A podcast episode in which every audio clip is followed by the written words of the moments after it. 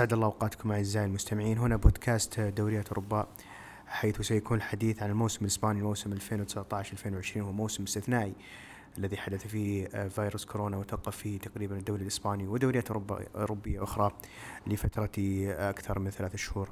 معنا في هذه الحلقة الضيف المميز والناقد الرياضي عبيد الله العيسي. أهلا وسهلا فيك. يا هلا فيك يا مبارك. سعيد بوجودي معكم وسعيد أكثر بوجودي مع عبد العزيز اللي جمعني أول لقاء معه. وأيضا معنا الناقد الرياضي عبد العزيز القضيبي. أهلا وسهلا فيك. أهلا وسهلا ومرحبا بكم. وشاكر لكم اختيار هذه الفرصة الأولى لي وسعيد بتواجدي معكم مع الزميل عبيد الله. حياك الله. طيب راح يكون تقريبا الحديث آه، بداية الحلقة عن تقريبا آه، الفرق العشرة الأولى في آه، الترتيب الدوري الإسباني الذي انتهى قبل أكثر من أسبوع.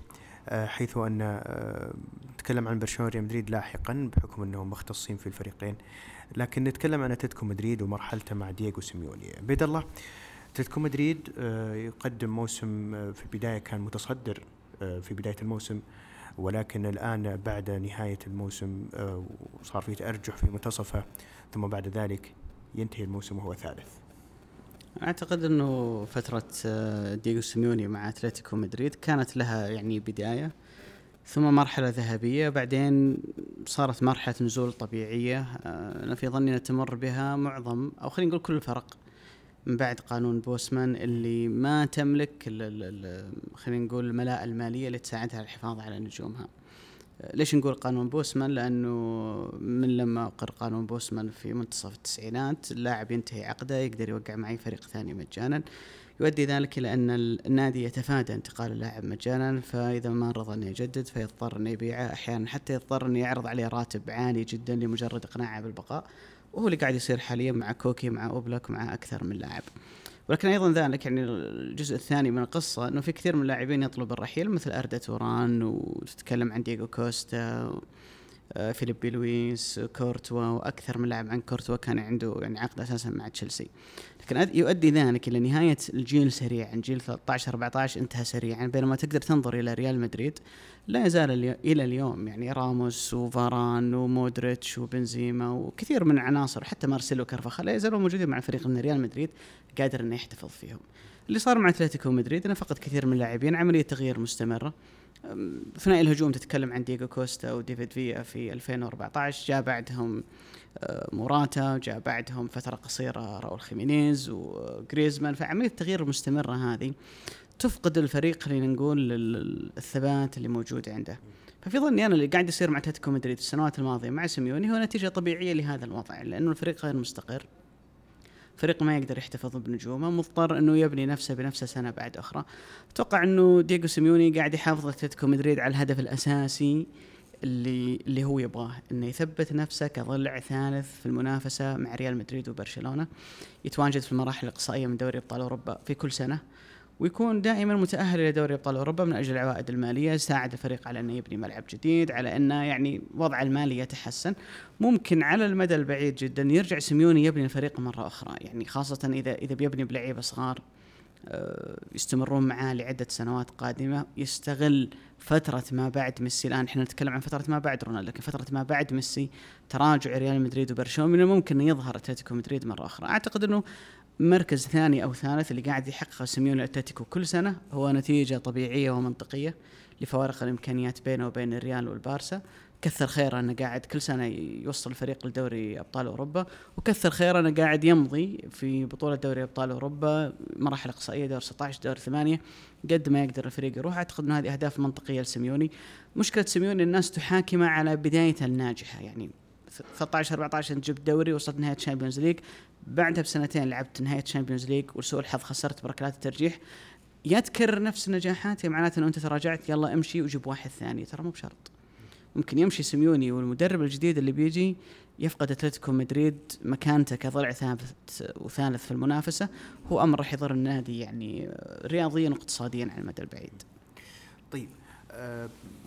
عبيد الله عنده فكرة إنه كثر الله خير اتلتيكو انه متواجد دائما في كضلع كضلع ثالث متواجد أيضا في المراحل الاقصائيه وبعيدا جدا يعني ممكن يوصل نص نهائي نهائي فترته مع سيميوني. نبي نتكلم عن اتلتيكو بشكل عام من وجهة نظرك زائد وش ممكن يكون آه، س- آه، اتلتيكو مدريد بدون سيميوني؟ وهل هو سيميوني يعني كأنه مالك في الفريق وليس فقط مدرب؟ طبعا كلنا نعرف إن سيميوني حقق آه، إنجازات كبيرة مع اتلتيكو مدريد. يعني لو تلاحظ أنت اتلتيكو قبل سيميوني وبعد سيميوني اختلاف كبير في في الشكلين يعني. آه، سيميوني آه، هذه الثامن أو تاسع سنة مع أتلتيكو مدريد. آه، حقق كل اللي تريده الإدارة يعني. الإدارة كان الفريق يعاني ماديا كان عليه ديون كثيرة في البدايات آه، مع سيميوني. فالهدف وصول أبطال آه، تكرار الوصول والوصول أبعد آه، أبعد قدر ممكن في الأبطال وتحقيق وتحقيق إنجازات. هذا اللي سواه سيميوني. طبعا بما أنه مثل ما قال زميلي عبد الله مثل, هو حقق الدوري ووصل نهائي أبطال مرتين فالناس تطالب الآن إنجازات أكبر الناس تطالب إنجازات أكبر من كذا. فمو بقادر يعني لو تلاحظ التغيير اللي جالس يصير بأتلتيكو مدريد مثلا على مستوى الدفاع.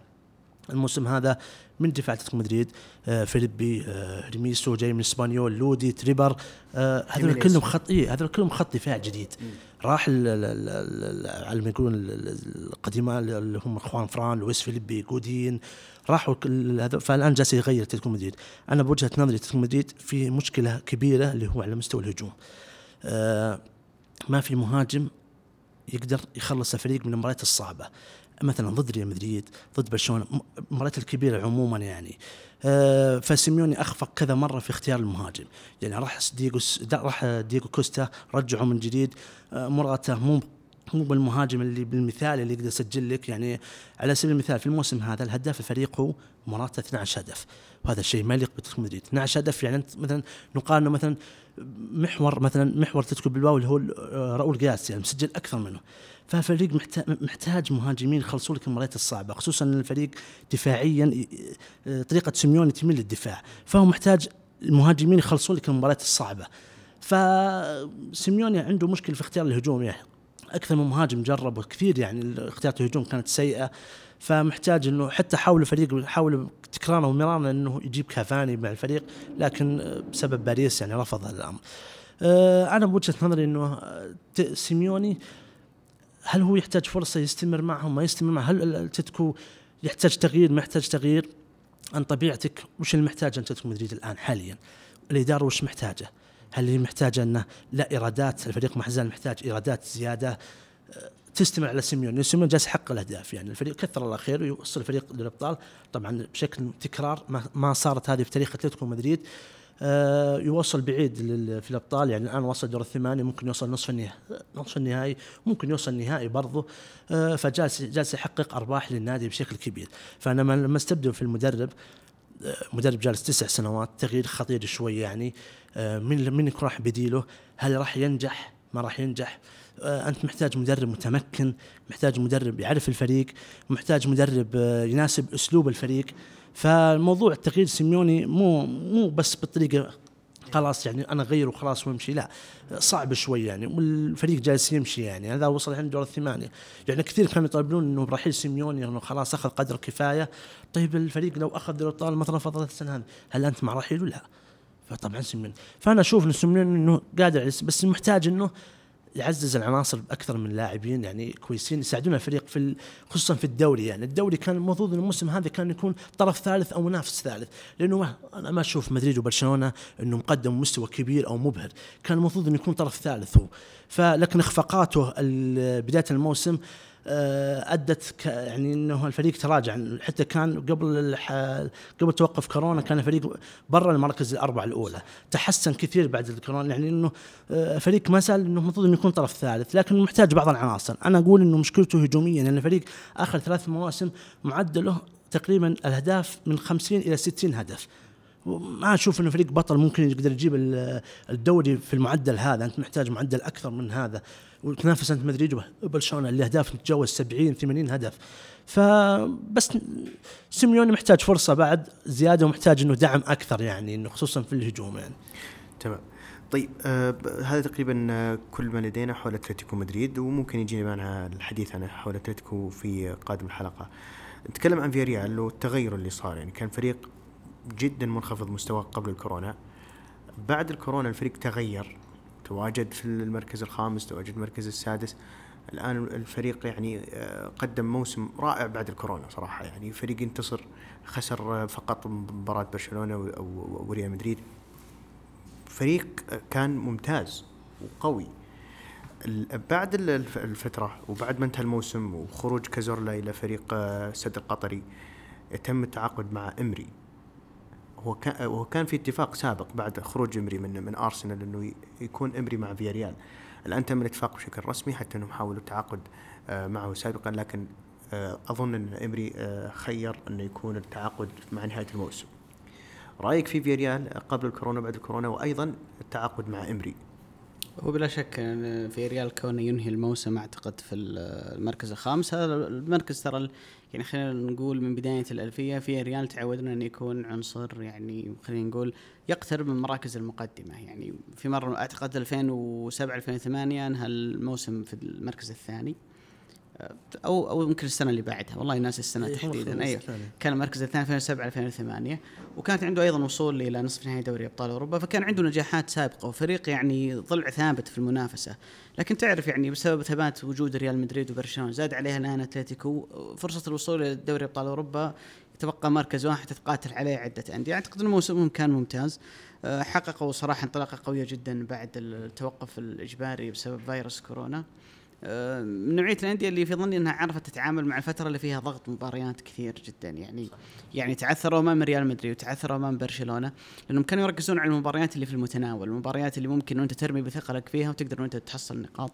آه، أشوف إنه عودة أوناي إمري للدوري الأسباني مهمة جدا زيها زي عودة مانويل بلغريني لريال بيتيس. في ظني دائما إنه أي بطولة دوري آه، اللي يحدد مدى قوتها هي قوة أندية الوسط. يعني من الصعب ان يكون عندك سبعة ثمانية أندية تنافس على لقب الدوري. لكن لما يكون عندك ناديين ثلاثة والأندية اللي تحتهم الخمسة الستة اللي تحتهم اللي تشكل عادة خلينا نقول النصف الأول من جدول الترتيب كويسة وعندها مدربين يصنعون الفارق وعندهم مدربين يقدرون يطورون من الأندية هذه هنا الدوري عندك راح يقوى بشكل كبير جدا. أتذكر فترة ما قبل ما قبل سيميوني كان في أيام المنتديات نقاش عن كيف تكسر هيمنة ريال مدريد وبرشلونة. فأنا كان أتذكر وقتها كان لي رأي إنه ما راح يتم الموضوع من خلال الفريق عنده إمكانيات مالية زي ريال مدريد وبرشلونة. تحتاج إلى مدرب الفراغ أو ال gap الكبير العناصري ما بينك وبين أندية القمة هو اللي يعوض لك إياه. بالضبط زي اللي سويه جاسبريني السنة هذه مع أتلانتا. عناصريا أنت تشوف تشكيله أتلانتا يمكن في ولا لاعب يغريك إنه أنت تتعاقد معه. لكن المدرب قادر إنه من خلال نظام لعب أسلوب معين إنه يعوض الفجوة الكبيرة هذه اللي موجودة بينه وبين ال... فأنا في ظني إنه عودة بيليغريني بعد تجربته في مانشستر سيتي اللي يعني نقلت بيليغريني من مدرب يعني خلينا نقول أند فياريال أو أندية وسط ريال مدريد بعدين مانشستر سيتي أنه يعود مرة أخرى لنادي وسط. زي ريال بيتيس هاي قيمة كبيرة للدوري الأسباني. أوناي إمري نفس الفكرة تروح باريس سان جيرمان تروح أرسنال تعود إلى نادي وسط. أشوف انها يعني بانتظار مثلا ال- ال- قيمة فنية للدوري بالضبط. يعني. حتى حتى خافي غراسيا يعني تجربته وين كانت يعني ما هي بذيك التجربة الكبيره مع واتفورد لكن يعود إلى فالنسيا. صح. يجونك مدربين من خارج أسبانيا كانوا سابقا يستقطبون يعني بفضل القوة والملاءة المالية اللي عند أندية ال Premier League. أشوف إنه شيء يحسب للدوري الأسباني راح يزيد قوة في الموسم القادم. وفي ريال عناصريا أمانة يعني من الأندية صراحة اللي اللي خاصة على المستوى الهجومي دائما ما عندها عناصر متميزة. واحدة من الأشياء اللي ساعدت في ريال ان في ظني ان من الفرق اللي عندها مع إشبيليا تقريبا عندهم شكل فني ثابت هوية فنية ثابتة.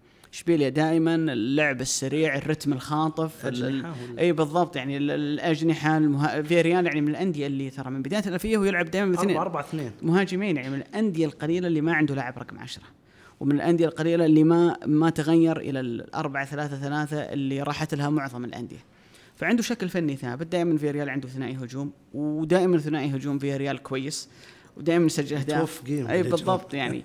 فصراحه من أمتع من أمتع ال- الفرق اللي موجودة في الليغا. وجودة مثل ما قلت لك عودة ايمري وبيليغريني بت- بتكون إضافة كبيرة للليغا في الموسم الجاي. ممتاز. طيب يعني يضاف على فياريال وموسم مميز آه، وجود لاعب مميز أيضا يعني. ممكن نتكلم عن فياريال مع عبد العزيز. مورينو المهاجم مع يعني صراحة لاعب فتاك آه، غير متوقع انه يبقى مع فياريال طويلا. لعب أكثر من مباراة أساسي مع المنتخب الإسباني. آه، عودة أيضا الكاسير وكازورلا وباكا مع الفريق. أعطت أيضا قوة للفريق بعد رجعتهم برضه من الإصابات أو من إعارات أخرى. شوف آه، قبل كل شيء أنا حقيقه مستغرب إنه فيريال استغنى عن كاليخا مدربهم. يعني okay الاسم إمري لكن أنا أعتقد إن الاتفاق تم في وقت كورونا. هذا اللي أعتقده يعني إنه لأنه بعد النتائج هذه أنا متأكد إنه كان ممكن يستمر كاليخا مع مدرب مع فيريال. يعني وصل الحين المركز الخامس وتاهل من الاوروبي يعني ما أتوقع إنه هذا ممكن يكون موسم ممتاز. بس أتوقع انه الاتفاق مع عمري تم في وقت كورونا يعني وخلصوا موضوع وكل شيء يعني. لأن النتائج الأخيرة اللي سواها كليخا شيء كبير يعني. يعني أنا متأكد إنه كان لي تغريدة أنا متأكد إنه لو إنه فيريال ما عنده جدول صعب لأنه كان بيقابل أندية كبيرة اللي هو إشبيليا، برشلونة، ريال مدريد، فالنسيا، ريال بيتيس، كان يقابل فرق كبيرة كلها مشكلة في في فترة صعبة يعني. كل ثلاث مباريات كل ثلاث أيام مباراة آه، فصعب على الفريق يعني. أنا متأكد كان ممكن يوصل الابطال. يعني ما استغرب نافس بس إنه مباريات صعبة ما تقدر عليها. يعني هذه المشكلة الوحيدة. آه، لكن خيار إمري خيار ممتاز جدا يعني ما يخفيك. إمري اسم آه، ممتاز جدا وخيار مغري يعني الفيريال يعني. آه، وله خبرته في في الدوري الإسباني آه، درب الميريا فالنسيا إشبيليا. يعني حقق نجاحات كبيرة يعني. نجاحات الثلاثية الدوري الاوروبي هذه مع إشبيليا ونجاحه مع فالنسيا. وصلوا كذا مرة للدوري الأبطال. نفس موضوع سيميوني مع أتلتيكو مدريد. يعني وصلوا كذا مرة في دوري الأبطال. كان الطرف الثالث بعد ريميد برشلونة كان فالنسيا. ولو كان في فوارق لكن امري كان يوصلهم دوري الأبطال. فامري خيار ممتاز يعني جدا. آه، طبعا آه، فيريال أنا استغربت إنه قدم المستوى هذا الكبير يعني. عناصريا أنا كنت ما أشوف إنه كان في أفضل منه يعني. كنت أشوف بلباو أفضل منه. كنت أشوف سوسيداد أفضل منه يعني كعناصر لكن اللي سواه كليخا مو شيء سهل والله خصوصا بعد الحجر مو شيء سهل. أه لكن كازورلا جيرارد مورينو يعني موسمين خرافيين. برضو المدافع باول توريس كان في أخبار الان حاليا برشلونة جالس يفاوضوا ممتازين جدا يعني الفريق ممتاز قدموا قدموا بشكل مستوى ممتاز جدا خصوصا بعد الحجر. آه، جيرارد مورينو غني عن التعريف يعني سجل 18 هدف. أعتقد إنه أكثر لاعب في تاريخ فيريال سجل هذا العدد من الأهداف. في موسم. في موسم واحد سجل. أو إنه عادل جوسيبي روسي ما أدري المعلومة بس إنه الظاهر هو أكثر أو إنه عادل جوسيبي روسي موسم خرافي يعني. أه طبعا انتقاله عن فيريال مثل ما قلت أنت ممكن ينتقل تعتمد على آه، قيمة كسر العقد. أنا ما ما أتذكر كم قيمة كسر العقد لكن آه، جيرارد مورينو مرشح إنه ممكن يطلع عن فيريال آه، والدوري الانجليزي يعني حاليا يعني كثير يجيبون صفقات من الدوري الإسباني. آه، متوقع أكثر من نادي ممكن يتعاقد معه يعني عندي خصوصا الوسط آه، ممكن تقول إيفرتون من الأندية هذه ممكن تتعاقد مع جيرارد مورينو يعني خصوصا بعد الموسم هذا. بس هي تعتمد على قيمة كسر العقد. وفيريال غالبا إنه ما يتعامل في الكسر العقد. يعني مثل مثل أندية معينة بلباو إنه تبغى اللاعب اكسر عقده وامشي يعني. ما مفاوضات مفاوضات ما نبغى إحنا. فتعتمد هذه قسمة قصر العقد. أنا ما أدري هل هي عالية ينتقل أو ما ينتقل. لكن جيرارد مورينو موسم خرافي. وأنا اشوفه من افضل تقدر تقول من افضل اللاعبين في الدوري الإسباني حاليا يعني. صحيح. وثالث هداف في الدوري الإسباني شيء مو بسهل. صحيح. طيب. آه عبيد الله فالنسيا ومواسم متأرجحة. يعني موسم في القمة وموسم لا تعرف يعني حقيقة حتى موقفه في الدوري دائما ما يكون جيد. آه هذا الموسم آه بعد موسم ما حقق الكاس أمام برشلونة الموسم قبل الماضي الآن الموسم ينتهي تقريبا آه، بشكل غريب أو بشكل غير محبب لمحبي ومشاهدي الفريق فالنسيا. الفريق المرعب سابقا في بداية الألفية يوصل لنهائي الأبطال وليس فقط مشاركة. الآن فالنسيا ما عاد هو المخيف ولا هو يعني أنت عارف ملعب الخفافيش هذا كان مرعب ومخيف. الآن الفريق ممكن يروح اي أي فريق الآن ممكن ينتصر ويأخذ ثلاث نقاط. الموسم هذا مثلا ليفانتي أخذ منه آه، ثلاث نقاط وهو يلعب عشر لاعبين. ففالنسيا رايك في موسمه؟ وفريق عنده استقالات كثيرة في إدارية وفنية. وأيضا تغيير مدربين كثير والمستثمر الآسيوي الموجود مع الفريق أيضا آه، يبدو بأنه آه، غير مسرور. وممكن عبد العزيز متابع دقيق الليغا ترى أكثر مني يعني هو ما شاء الله عليه يعني تابع تقريبا كل المباريات. أنا ما أتذكر في الليغا ممكن حتى في البطولات الأوروبية الخمسة الكبرى إن فريق صارت عنده مشكلة إدارية بحجم اللي صارت عند فالنسيا. خلينا نقول من الموسم الماضي مشكله الإدارة مع مارسيلينيو انتهاء باللي صار نهاية الموسم هذا وأنه تقريبا ما أدري الاخبار يعني طلعت إنه ممكن نصف الفريق يتم تسريحه يعني. 12 لاعب اي بالضبط بسبب مشاكل مع الإدارة. يعني أنا أنا ما أذكر على الأقل في المدى القريب إنه في نادي صارت عنده مشكلة إدارية بهذا الحجم. يعني أنت ممكن تغير لقناعة فنية. إنه أنا والله مثلا زي ريال مدريد لما خسر 6-2 من برشلونة إنه يأتي بيريز بمشروع جديد وتغيير جلد الفريق. التغييرات كانت تسربت الأسماء يعني تسربت الأسماء والدوري بعد ما انتهى. يعني كنا عرفنا إنه باريخو كوندوغبيا وبعض ورودريجو كلهم بيطلعون وما انتهى الموسم وانقسم يعني الفريق انقسم الفريق إلى معسكرين. معسكر مع الإدارة أو ممكن حتى ما يكون في أحد مع الإدارة لكن في في أحد معلن إنه ضد الإدارة. يقودهم الكابتن باريخو وقسم ثاني. فأنا أقول لك يعني بالنسبة لفالنسيا ما أتذكر إنه في فريق صارت عنده الفجوة والمشكلة الإدارية الكبيرة اللي صارت عندهم. منشاها من الناس تعرف من الموسم الماضي بسبب خلاف بين الإدارة وبين المدرب على تحديد الأهداف الأساسية للفريق. وش ننافس عليه؟ وش اللي أقل أهمية؟ وما إلى ذلك. مشى مارسيلينيو. أعتقد إنه رحيله الصيف الماضي كان هو اللي ضرب مخططات فالنسيا جاء سيلاديس حاول إنه يتدارك الوضع. وأعتقد المهمة كانت صعبة عليه. يعني النادي في الانقسامات هذه. أه، تقريبا أنا أقدر أراهن عليه زي ما راهنت على لوبيتيجي الموسم الماضي. قلت انه ظروف ريال مدريد ما ساعدته. ولو راح فريق ثاني بتشوفون لوبيتيجي مدرب جدا ممتاز. نشوف سيلاديس نفس الفكرة. مدرب عنده إمكانيات تدرج تدرج سليم عنده لمسة وبصمة واضحة مع المنتخبات السنية الإسبانية اللي دربها. بس جاء الفرنسي في وقت صعب في وقت صعب أي مدرب إنه ينجح فيه.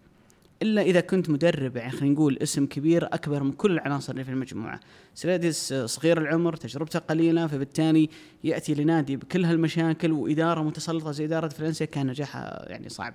أشوف إنه فالنسيا يعني آه، اللي هم الحال اللي هم وصلوا له اليوم أنا في ظني إنه راح يأخرهم يعني وكأنهم يبدأون من الصفر خطوه للوراء إي بالضبط وكأنهم يبدأون من الصفر مرحله بناء جديدة للأسف إنه واحد من أفضل المواهب كرة القدم الإسبانية اللي هو فيران توريس لأنه على وشك أنه يرحل.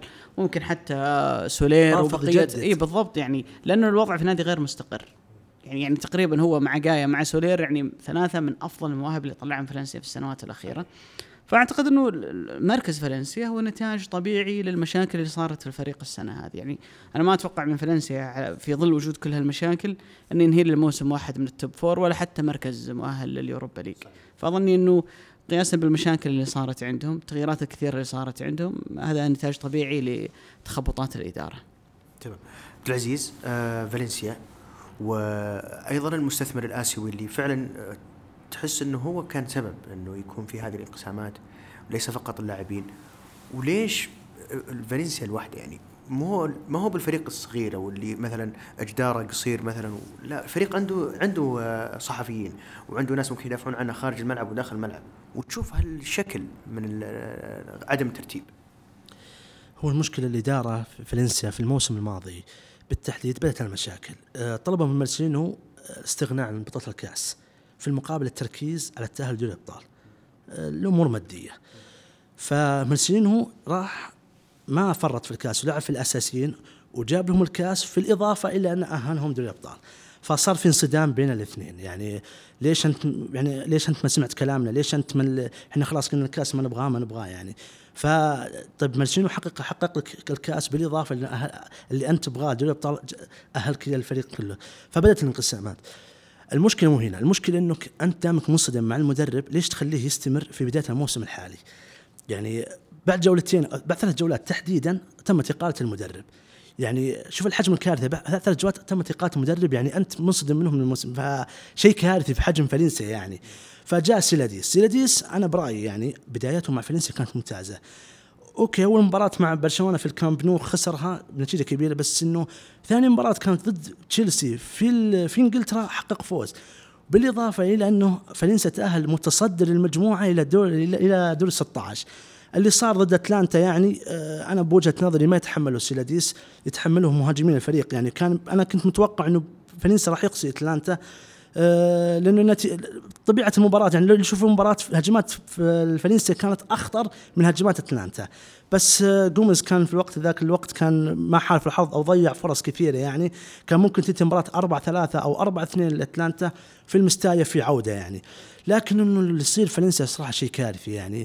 والمشكلة إنه كل ما تمشي شوي تعدي شهر تصير في مصيبة أخرى، يعني إقالة مدرب مشاكل مع سيلاديس ظهرت مشاكل أخرى مع اللاعبين اللي هم باريخو آه، عدم تجديد فيران توريس الآن مشاكل ثانية إنه استغناء عن عدد كبير من اللاعبين. يعني هذه ما تصير بفالنسيا. هذه ما تصير بفالنسيا. يعني أنت وش هدفك الموسم الجاي؟ هل هدفك الموسم الجاي تجيب لي 11 لاعب 12 لاعب وتبدأ من جديد؟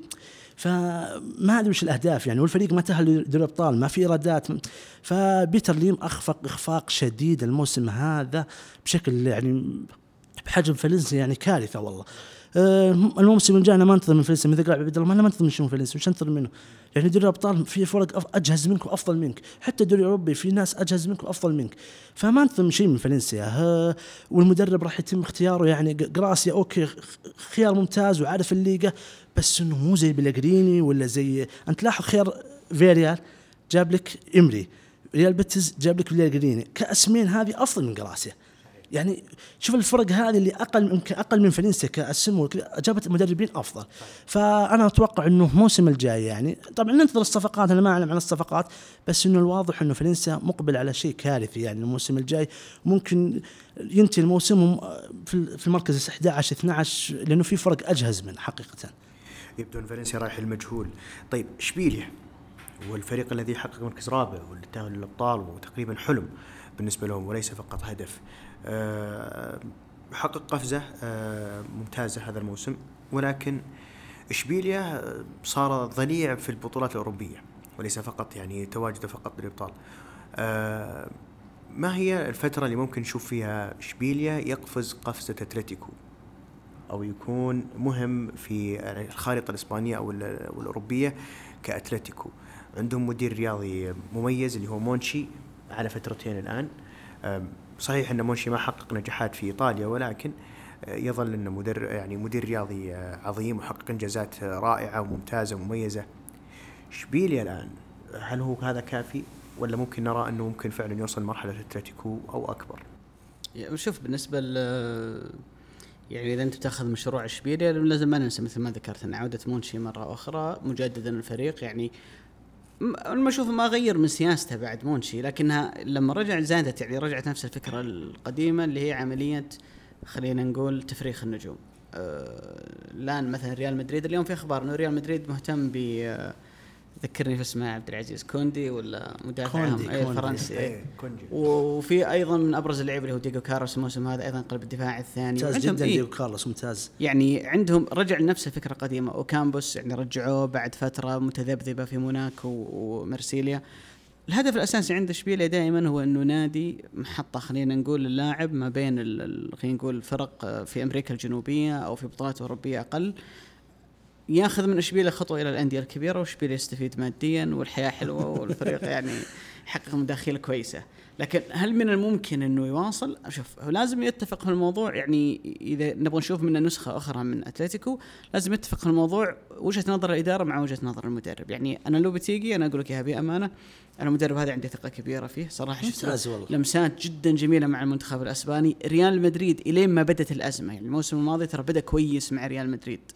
لكن لما جت الأزمة في ريال مدريد وتراجعت النتائج و كان يقدم أي كرة حلوة. يعني الفريق ما قدر صراحة لو بتيجي إنه يلم الفوضى اللي كانت موجودة في الفريق. فلما تعطيه فريق مستقر تعطيه وقته إنه يبني زي ما صار مع سيميوني بدون ضغوطات كبيرة ممكن. لكن هل الإدارة تتفق معاه في الأهداف؟ يعني هل اليوم لو لو بتيجي قال لك أنا الموسم الجاي أنا هدفي لا أنا ما أبغى أكون رابع أبغى أنافس مثلا على الأقل اكون مركز ثالث. أطيح بأتلتيكو مدريد كمثلا ضلع ثالث في المنافسة. أو أستغل لو تراجع ريال مدريد وبرشلونة ممكن حتى أنهي لك الموسم مركز ثاني. هل الإدارة بتتماشى معاه في فكرة إنه ما تبيع قلوب الدفاع اللي ممتازين عنده؟ بتحافظ على أوكامبوس اللي قدم موسم ممتاز. أه تحافظ على العناصر اللي هو يحتاجها من أجل استمرارية النجاح في الفريق ولا لا؟ بيقول لك والله أنا المهم عندي هو الجانب الاقتصادي ولو جاني عرض كويس أنا راح أمشي اللاعب. فيعتمد نقول إذا توافقت أهداف الإدارة مع أهداف المدرب ليش لا؟ وارد جدا. لكن في ظني أنه اشبيليا خاصة مع العودة المحتملة للرئيس تلنيدو تلنيدو الرئيس القديم أتوقع أنه اشبيليا راح يستمر في نفس الإطار اللي هو موجود عليه لعدة سنوات آه، عملية البيع والشراء ممكن حتى أنه يحاول سؤال مهم يعني. بالضبط يعني يحاول على الأقل يعني تكلمنا يمكن قبل الهوا أنه معظم الأندية الإسبانية في الفترة الأخيرة عملت أما ملاعب جديدة أو تطوير الملاعب ترى اشبيليا ما غير ملعبه ولا طوره يعني ممكن إنه يركز إنه ليش لا؟ إنه نعزز الجانب الاقتصادي عند الفريق نرفع مداخيل النادي وممكن حتى نطور في الملعب ويكون عندنا خطة خلينا نقول اقتصادية طويلة المدى. تؤمن مركزنا أنت شايف الآن اليوم خاصة مع ارتفاع مداخيل دوري أبطال أوروبا صار القتال على ال top four لا يقل يعني شراسة عن القتال على لقب الدوري. يعني شفنا الدوري الإنجليزي إلى الجولة الأخيرة والصراع شرس على مين اللي يتاهل إلى دوري أبطال أوروبا الموسم المقبل. يعني وحتى لو تراجع زي السنة هذه تراجع توتنهام وأرسنال تظهر لك قوة جديدة زي ولفرهامبتون وزي ليستر سيتي. فليش لا؟ إنه يكون اشبيلي هدفه خلينا نقول إنه الثبات في واحد من ضمن الأربع الأوائل نوصل Champions League نلم فلوس كل سنة. لو طلعنا من Champions League يا سلام نروح ل Europa League بالبطولة اللي إحنا نحبها. فأتوقع إنه ممكن هذه تكون أهداف إشبيليا الموسم القادم والمواسم اللي بعدها. طيب على طاري البطولة اللي يحبونها كما ذكر عبيد الله. الفريق عنده فرصة إنه ممكن يحقق الدوري الاوروبي هذا الموسم. آه، زائد إنه آه، رأيك في موسمهم ككل تقريبا؟ طبعا نجحوا في الموسم هذا. المركز الثالث آه، حققوا تأهل دوري الأبطال. هذا نجاح كبير لاشبيليا لكن فرق المواجهات لكن السؤال إنه ليش ما يصير خطوة مثل أتلتيكو مدريد للمنافسه على اللقب أو دوري الأبطال؟ اشبيليا هل هل يقدر يحافظ على اللاعبين؟ وهنا السؤال. هل لو جاء عرض مغري لدييغو لدييغو كارلوس أو كوندي عرض مغري كبير هل هم بيرفضون؟ هنا السؤال. لأنه اشبيليا مع مونتشي ترى غالبا اللاعبين يرحلون. إذا جاء مبلغ كبير غالبا يرحلون. هو تغييرات مستمرة في اشبيليا أه فأنا ما أستبعد إنه ممكن أحد اللاعبين يا دييغو كارلوس أو كوندي طبعا الانظار الحين عليهم كلهم آه، واحد منهم راح يرحل يعني. بس دي آه، آه، ديجو كارلوس كسر عقده 75 مليون. كوندي أنا ما أعلم كسر عقده لكن مدريد جالس يفاوضه بخصوص ريجلون وكوبو ممكن يدخلون بالصفقة هذه. زيدان لأنه اللي انتظرت أخبار إنه زيدان يبغى كوندي من ضمن الفريق. اشبيليا طبعا راح يرجع جنيدو في أخبار راح لأن الهرم القديم راح يرجع كله من جديد الآن وراح نشوف منافسة في الجهة الإعلامية. ناقصة همري راح تكون منافسة إعلامية يعني. آه بلغرين آه بلغريني آه عفوا آه لو بتقري آه مدرب أنا معجبني كثير. حتى وقت مع ريال مدريد لو تذكرون كلاسيكو أوكي النتيجه 5 1 لكن لو تذكرون في الشوط الثاني كان قدم مستوى ممتاز. يعني لولا كرة مودريتش اللي في القائم كان عادل برشلونة ورجع من 2-0 ل 2-2 وكان أتذكر تغريدة لك لعبد الله إنه كان في كثير من هجمات يعني الكورة تضرب في القائم وفي العارضة. كان غير محظوظ الفريق وقتها. يعني كان قد أنا آه، لوباتيجي ممتاز جدا. بس بداية الموسم هذا مع الاشبيليا أنا كنت استغربت إنه الفريق ما كان في المستوى. جالس يحقق نتائج. لكن بدون مستوى. حتى كنت ما استبعد إنهم يقيلونه آه، بنهاية لكن بعد الحجر هو مثل فيريا تغير الفريق تماما. صار فريق ممتاز ويعرف ينظم هجمات وفريق يقدم مستوى ممتاز.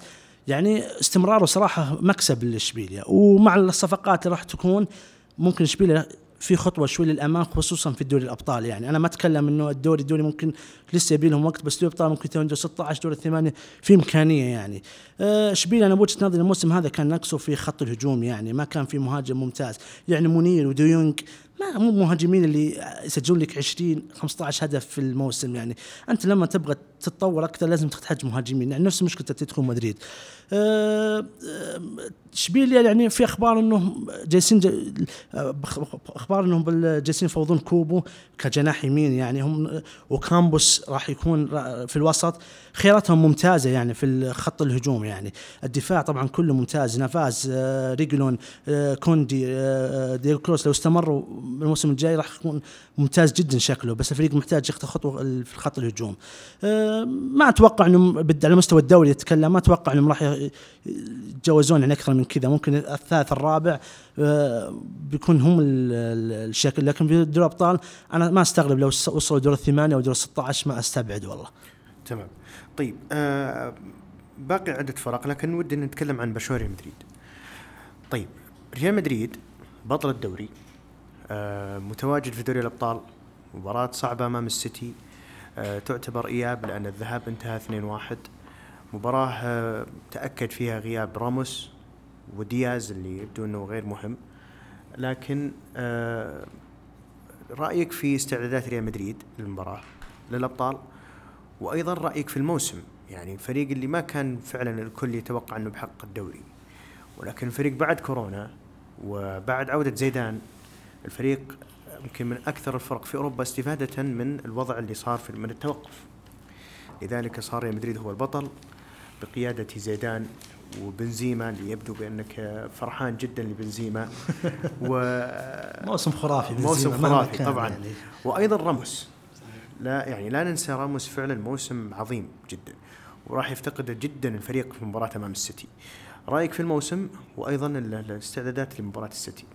طيب خلينا نتكلم شيء عن عن الدوري عن الموسم بشكل عام. أعتقد إنه لما يمكن نعتبر زيدان كنت قلت الرأي هذا عنه لما تعاقد معاه ريال مدريد بعد بينيتيز. يعني ريال مدريد كان عنده نجاح كبير إنه يفوز بدوري أبطال أوروبا مع كارلو أنشيلوتي ثم موسم ثاني مخيب كعادة ريال مدريد مع بيريز واستغناء عن دي ماريا وتشابي ألونسو وعدد من العناصر الأساسية. بعدين اختيار غريب جدا وأنت تجيب رافائيل بينيتيز فلما تعاقد ريال مدريد مع زين الدين زيدان أنا من الناس اللي قلت هذه هي الرصاصة الأخيرة في مسدس بيريز. إما أن يقتل بها خصومه أو ينتحر فيها. يعني يا زيدان يبي ينجح الفريق وتستمر يا بيريز يا سيقودك إلى مزيد من الفشل. مدرب بدون تجربة وكل الكلام اللي قيل خرافي للأسف اللي إيه يعني. كل اللي قيل وقتها. وبتكون هذه رصاصة الانتحار ويمشي بيريز تجي إدارة ثانية و... تكرر نفس الموضوع لما مشى زيدان وجاب ريال مدريد لوبيتيجي وما عوض كريستيانو رونالدو. كانت عودة زيدان خلينا نقول مرة ثانية هي الرصاصة الأخيرة في مسدس بيريز إما أن ينجح الفريق مجددا بالحرس القديم وبعض التدعيمات أو أنه يختم بالشمع الأحمر على أنه هذا الجيل انتهى وأنه أنت في حاجة ماسة إلى بناء جيل جديد. وأنه اللعيبة الشباب اللي أنت تتعاقد معهم عليك أنك تسرع من عملية إحلالهم وكل كل الكلام اللي قيل عن زيدان. فلما يرجع زين الدين زيدان أقل حاجة نتوقعها من زيزو هذا الموسم إنه أنت لازم تطلع بواحده من البطولتين الكبرى اللي هي الدوري وال Champions League. مشكله ال Champions League إنه بطولة ما هي في يدك يعني ظرف معين قرار حكم مباراتين. أي ممكن تطلع منها. فعليا اللي في يدك هي بطولة الدوري. فان يفوز ريال مدريد بالدوري مع عودة زيدان هي النتيجة الطبيعية والمتوقعة لعودة زيزو. أقل من هالنجاح لا يقبل من زيدان انه انت ترجع وتصرف 300 مليون في الصيف وإن كانت ما جابت نتائج مجدية لكن أقل أقل شيء متوقع منك إنه أنت تفوز بالدوري. في ظني إنه ال- ال- اللي صار مع ريال مدريد هالموسم هو يشبه اللي صار مع ريال مدريد في كل مواسم زيدان. إن الفريق تشعر إنه زي زي سيارة تشتغل بالديزل. تاخذ وقت على ما تحمى تاخذ وقت على ما تشد عزم والفريق على الدور الثاني النصف الثاني من الموسم يعطيك أفضل نتائج. شوف إحصائية مثل ريال مدريد في الدور الأول 40 نقطة الدور الثاني جاب 47 نقطة. صار معظم المواسم الماضية ريال مدريد كان ينهار في النصف الثاني من الموسم. يعني ال- ريال مدريد حسم الدوري الجولة قبل الأخيرة. وأنا دائما أقول الكلام هذا للأصدقاء إنه برشلونة فريق حتى لو تأخذ عليه دوري نشف ريقك. يعني أتلتيكو مدريد إلى المباراة الأخيرة برشلونه قادر يفوز بالدوري. ريال مدريد لما فاز بالدوري مع زيدان 2016 2017 إلى المباراة الأخيرة وبرشلونة عنده فرصة يكسب الدوري. لما فاز فيه ريال مدريد مع كابيلو إلى الجولة الأخيرة عنده فرصة يكسب الدوري. مع مورينيو ترى لولا مباراة الكلاسيكو 2-1 وحتى بعدها برشلونة رجع مرة ثانية. تعثرات ريال مدريد وظل يضغط يعني برشلونة فريق ما يعطيك دوري سهل. عكس ريال مدريد اللي اللي ضيع عليه الدوري في السنوات الماضية إن الفريق كان على منتصف الموسم ينهار. خلاص برشلونة خلينا الموسم الماضي كان الثالث إي بالضبط يعني. يعني برشلونة تقريبا من فبراير أو مارس خلاص يبدأ يفكر في دوري أبطال أوروبا. الدوري الموضوع منتهي. يعني أول حاجة سواها زيدان إنه إلين توقفت البطولات في في مارس أعتقد والفريق بينه يعني تقريبا نقطة بينه وبين برشلونة. ولولا الخسارة المفاجئة اللي جت بعد كلاسيكو أمام بيتس ريال مدريد كان بينهي فترة ما قبل التوقف وهو متصدر. ترى اللي ساعد ريال مدريد إنه ما خرج من سباق الدوري مبكرا. بعد التوقف هذا موضوع ثاني وحكاية ثانية يعني لما تصير تلعب هذا الكم من المباريات كل ثلاث أيام مباراة معناته الموضوع يعتمد على إدارة فنية وتدوير للاعبين بما إنه ضغط مهم ضغط جداً. كبير للمباريات والحافز والرغبة عند اللاعبين. وهذه كل اشياء يعرف زيدان يشتغل عليها. فإنك تجيب عشر انتصارات من أول عشر مباريات المباراه الاخيره تعادلت بعد ما حسمت الدوري. هذه هي النتيجة المتوقعة من زيدان. صحيح في كثير من المباريات ريال مدريد كان ما بقول محظوظ بس بدون مستوى. إي بالضبط. يعني كان ياخذ بس نتيجة المباراة. بس الشيء اللي يسويه ريال مدريد إنه يموت المباراة ثم ينتظر خطأ ولا هفوة من الفريق في الشوط الثاني ويخطف نتيجة المباراة. للأمانة متى آخر مرة شفنا ريال مدريد بهذه العقلية؟ صحيح. يعني ريال مدريد عنده سيناريوهين للفوز بالدوري. على الأقل خلال سنوات متابعتي. أما انه يكون فريق طاغي هجوميا زي ما صار مع 2002 2003 مع ديل بوسكي أيام رونالدو وزيدان وجيل الجلاكتيكوس زي لما صار مثلا مع شوستر زي لما صار مع مورينيو لما الفريق وصل إلى 100 نقطة وسجل أكثر من 100 هدف في الموسم لما كان يلعب بنزيما وهيغوايين الاثنين مع بعض مع كريستيانو ورونالدو السيناريو الثاني إن ريال مدريد يلعب مباريات مفتوحة. جول هنا جول هنا. زي مثلا لما صار مع كابيلو موسم 2006 2007 يعني الفريق خلينا نقول لك يعني يخطف المباراة في دقائقها الأخيرة وبطلعة الروح. أو اللي صار مع زيدان في 2016 2017 لو تتذكرون ريال مدريد كان معظم المباريات يخلصها بعد الدقيقة 90 أتذكر أي بالضبط وهدف مارسيلو على فالنسيا وهدف إسكو على خيخون.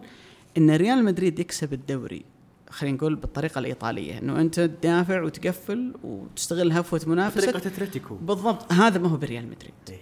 هذا ما هو بريال مدريد ابدا. فيحسب لزيدان وقلت هالكلام هذا لما ريال مدريد فاز بالدوري لما شعر إنه الآلة الهجومية اللي عنده غير كا يعني كفاءتها لا تكفي للفوز بالدوري عزز الجانب الدفاعي عند ريال مدريد. وريال مدريد طوال تاريخ الحديث اللي حنا عشناه ولحقنا عليه لم يكن ريال مدريد يوما نادي يشار إليه نادي قوي دفاعيا. ممكن أي نادي في العالم يقال عنه إنه قوي دفاعيا إلا ريال مدريد. جابوا كنفارو وجابوا آه، والتر صامويل. وقتها كان لاعب عظيم جدا في في روما. بيبي. وجابوا لا أتكلم إنه يجيب لك لاعب يعني بخبرة وجاك من دوري زي الدوري الإيطالي. حاول طبعا الصفقات اللي ما تدري وش تبي زي وودجيت وزي كذا صفقة. يعني حاول ريال مدريد كثيرا ان يعزز دفاع لكن لم يكن يوما نادي صلب دفاعيا وهذا على فكرة جزء من مأساة راموس اللي دائما ما يشار إليه إنه ياخذ كروت حمر كثيرة ويتسجل وينسحب في لقطات كثيرة. الفريق دائما يلعب مندفع. السنة هذه زيدان رجع لك الفريق ورا. كاسيميرو قدم موسم خرافي اللي هو قدامهم. كورتوا اللي وراهم قدم موسم خرافي. وبالتالي الفريق يعني خرج بالصنابة الدفاعية هذه. يعني يمكن الاحصائيه هذه تكلمت عنها بعد ما فاز ريال مدريد بالدوري. من 93 إلى 2020 27 سنة أفضل خط دفاع في الدوري جاب ريال مدريد مرتين. 2007 2008 شوستر في موسم كان الكل سيء فيه. عدا عدا ريال مدريد. بالضبط يعني لا يقاس عليه. نعم. والموسم الحالي مع زيدان. يعني حارس عظيم زي كاسياس. ما عمره فاز بجائزة زامورا إلا ذيك السنة اللي قلت لك اللي مع شوستر. في السنة الثانية كانت تروح الحراس الثانيين لأنه ريال مدريد دفاعه سيء. فيحسب لزيدان. آه، أعتقد ممكن عبد العزيز يتكلم عن النقطة هذه إذا جاء الحديث عن برشلونة. في ظني إنه إقالة فالفيردي شكلت منعطف مهم جدا في مسار الدوري. ليس حبا في زيد ولكن كرها في عمر أو كما يقال يعني, يعني ما- هو لأن فالفيردي مدرب عظيم ولكن لأنك مع مدرب ثاني راح تبدأ من الصفر. بينما منافسك وقلت توقيت خطأ. اي وقلت هالكلام صح. قلت قلت هالكلام قلت إنه خطورة آه، إقالة فالفيردي إن منافسك على الدوري فريق دائما يتحسن مع زيدان دائما يتحسن في الدور الثاني. فبالتالي الم- المدرب اللي بيجي يا يحس إن الفريق مره مره مرة عن اللي كان مسويه فالفيردي يا أما إنه منافسك ترى دائما الدور الثاني يكون أحسن. ويمكن يعني حتى رقميا يعني سيتين شوف فالفيردي 19 جولة 40 نقطة آه، مع سيتين 42 نقطة زاد نقطتين بس. أعتقد إن فالفيردي أفضل هجوميا يعني بال بالضبط بالضبط. طيب آه ريال مدريد آه عبد العزيز. آه، ما أزيد عن كلام آه، زميلي عبيد الله لكن آه، صراحة اللي لفت نظري الموسم هذا مثل ما قال الدفاع. يعني تشوف كورتوا محقق 18 كلين شيت شبك نظيفة يعني رقم خرافي يعني تقريبا نصف مباريات الليغا. آه، الفريق جالس يفوز 1-0 2-1 1-0 يعني أنا كبرشلوني نشف وريقي يعني بالنتائج هذه يعني. يا يسجلون يا يخلصون المباراه بدري ولا انهم يستقبلون هدف يعني. كل المباريات كانت 1-0 و2-1 ريال مدريد- زيدان جاء لريال مدريد وعارف وش المشكلة. هذا الواضح يعني جاي وعارف المشكلة. المشكلة بريال مدريد دفاعيا فلما شاف قفل الدفاع ويحاول يهاجم هجمة. يعني ممكن ينهي ينهيك مباراة بهجمتين فقط خلاص والباقي كله دفاعيا. اتبع سياسة مثل ما قال عبيد الله إنه التكتيك الإيطالي يعني. أنا أبغى أفوز أبغى ثلاث نقاط بأي وسيلة ممكنة. أنا كيف أحققها؟ بالوسيلة هذه. وفعلا عشر انتصارات بعد الحجر في ظرف ثلاث أيام مباراة شيء خرافي صراحة. مهما قلت عنه حظ تحكيم كذا. ما, ما ما تصير هذه ما تصير هذه شيء شيء غير معقول يعني. زيدان اللي جالس يسويه شيء كبير يعني. طبعا في ظروف ممكن ساعدته يعني حتى في المباريات الكبيرة يعني لو تشوف في إحصائية آه لريال مدريد ضد الأندية الكبيرة يعني آه ما استقبل اهداف عدد كبير.